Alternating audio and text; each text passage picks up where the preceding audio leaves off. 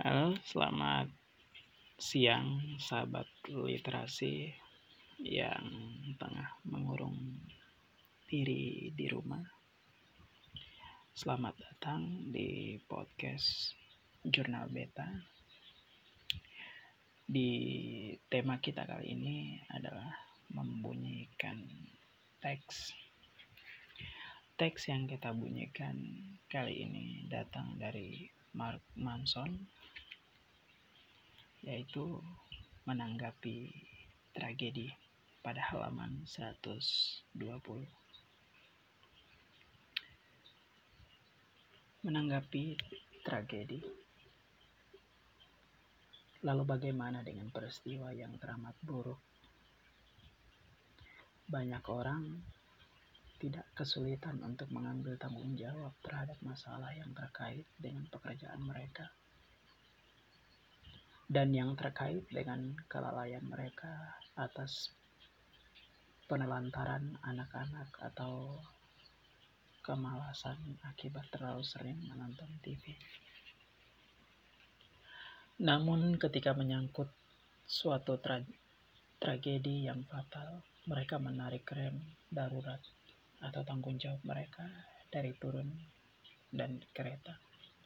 Setelah berhenti beberapa peristiwa terasa amat menyakitkan untuk diterima. Tetapi pikirkan hal ini. Kefatalan suatu peristiwa tidak mengubah kebenaran yang mendasarinya.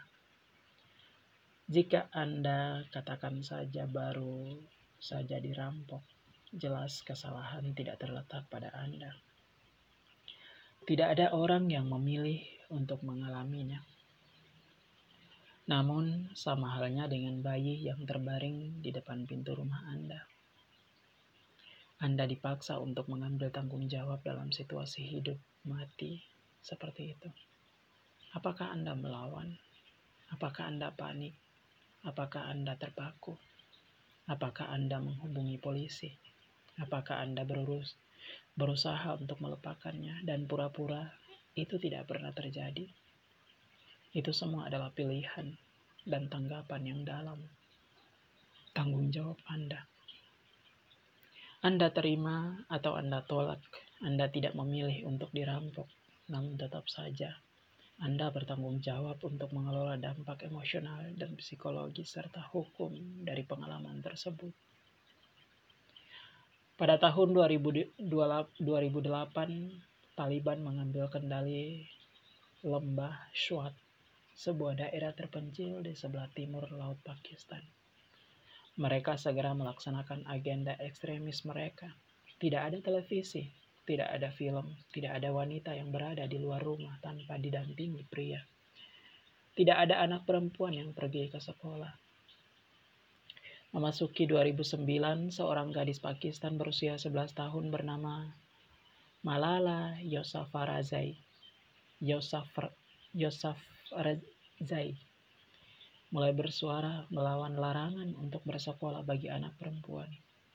Dia tetap masuk sekolah ke sekolah setempat dengan mempertaruhkan hidupnya sendiri dan nyawa ayahnya. Dia juga mengikuti pertemuan-pertemuan di kota-kota terdekat.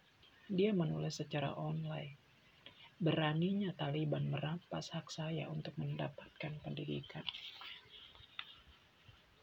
Pada tahun 2012, saat berusia 14 tahun, di suatu hari dia ditembak tepat di wajahnya saat naik bis dari rumah menuju sekolah.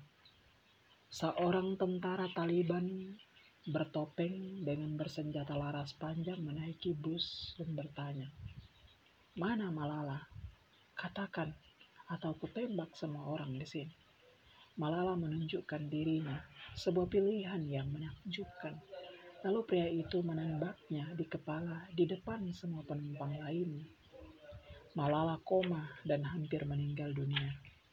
Taliban mengancam di depan publik bahwa kalaupun dia selamat, mereka akan membunuhnya dan ayahnya. Hingga hari ini, Malala masih hidup. Dia masih berbicara dengan lantang melawan kekerasan dan tekanan terhadap para wanita di negara-negara Muslim. Dan saat ini dia menjadi seorang penulis buku terlaris pada tahun 2014. Buku terlaris. Pada tahun 2014, dia menerima penghargaan Nobel Perdamaian atas usahanya. Tampak bahwa kejadian ditembak di muka justru membuat suaranya didengar lebih luas dan membuat dirinya lebih termotivasi daripada sebelumnya. Akan mudah baginya untuk bersembunyi dan berkata, "Saya tidak bisa melakukan apa-apa," atau "Saya tidak punya pilihan." Yang ironisnya, tetap menjadi pilihannya, namun dia memilih sebaliknya. Beberapa tahun lalu, saya menulis sejumlah ide dalam bab ini di blog saya. Dan ada seorang pria memberi komentar. Dia berkata bahwa saya berpikiran dangkal, kemudian menambahkan kalau saya tidak punya pemahaman yang nyata tentang permasalahan kehidupan atau tanggung jawab manusia. Dia bercerita kalau anak laki-lakinya baru saja meninggal akibat kecelakaan mobil. Dia menuduh saya tidak tahu rasa sakit yang sesungguhnya dan mencaci saya karena menyarankannya untuk bertanggung jawab atas rasa sakit yang dirasakannya sepeninggal anaknya. Laki-laki ini jelas sekali merasakan penderitaan yang sangat besar dibandingkan dengan yang pernah dirasakan sebagian besar orang dalam hidup mereka. Dia tidak pernah memilih agar anaknya meninggal, atau karena kesalahannya anaknya meninggal. Tanggung jawab atas kehilangan itu diberikan kepadanya meskipun secara jelas dan dapat dipahami. Itu tidak mungkin. Meskipun demikian, dia masih bertanggung jawab atas emosi, keyakinan, dan tindakannya sendiri. Bagaimana dia bisa bereaksi terhadap kematian putranya adalah pilihannya sendiri. Rasa sakit, apa pun bentuknya, tidak bisa kita hindari namun kita harus memutuskan apa maknanya bagi kita. Bahkan ketika mengklaim bahwa dia tidak punya pilihan dalam kejadian itu dan hanya ingin anaknya kembali, itu adalah sebuah pilihan. Salah satu pilihan yang diambilnya. Tentu saja saya tidak mengatakan ini kepadanya. Saya terlalu takut dan mulai berpikir bahwa, ya, Mungkin saya sudah kehilangan akal sehat dan tidak tahu apa pun yang saya bicarakan. Itu adalah bahaya yang mengancam dalam pekerjaan saya. Sebuah masalah yang telah saya pilih dan bermas permasalahan yang saya pilih menjadi tanggung jawab saya. Awalnya saya merasa sangat bersalah, namun kemudian setelah beberapa menit saya mulai marah. Tuduhannya sungguh tidak beralasan sama sekali lain dengan apa yang saya maksud. Kata saya pada diri saya sendiri, persetan. Hanya karena anak saya tidak meninggal lantas saya dituduh tidak pernah mengalami rasa sakit yang hebat. Awalnya saya merasa sangat bersalah, namun kemudian setelah beberapa menit saya mulai marah. Tuduhannya sungguh tidak beralasan, sama sekali lain dengan apa yang saya maksud. Kata saya pada diri saya sendiri, persetan. Hanya karena anak saya tidak meninggal, lantas saya dituduh tidak pernah mengalami rasa sakit yang hebat. Tapi kemudian saya menerapkan nasihat saya sendiri. Saya memilih masalah saya. Saya bisa saja marah kepada pria ini dan berdebat dengannya, mencoba membalaskan rasa sakit saya yang hanya akan membuat kami berdua tampak tolol dan tidak peka.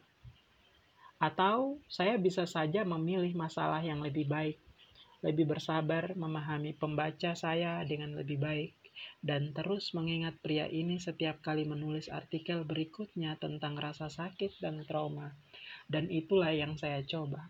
Balasan saya pada pria tersebut sederhana. Bahasanya saya uh, turut berbelasungkawa atas kehilangannya itu saja. Apalagi bisa saya apalagi yang bisa Anda katakan. Sekian itulah bunyi kalimat bunyi kalimat dari cara Mark Manson membalas uh, atau dia mendapat respon dari seorang pembacanya di blog lalu dia memikirkan baik-baik efek dari apa yang dia tulis sehingga si pembacanya membuat komentar yang marah kepadanya. Lalu dia memilih untuk mengatakan turut berbelasungkawa tanpa harus balik membalas sesuai dengan kata-kata motivasinya yang sebelumnya dibaca dan diikuti oleh si pembacanya yang mengomentari ini dengan hanya mengatakan bahwa saya turut berbelasungkawa. Jadi ada baiknya kita tidak turut marah-marah terhadap orang yang membaca atau menikmati karya kita, tetapi kita hanya mengikuti apa mau si pembaca kita. Jangan kita balik memarahinya. Itu adalah eh, manfaat yang bisa kita dapat daripada teks yang kita bunyikan. Semoga uh, semua ini cepat berlalu, wabah yang menimpa negeri kita dan kita semua diberikan leluasa untuk bisa berkarya lagi. Salam literasi. Wassalamualaikum.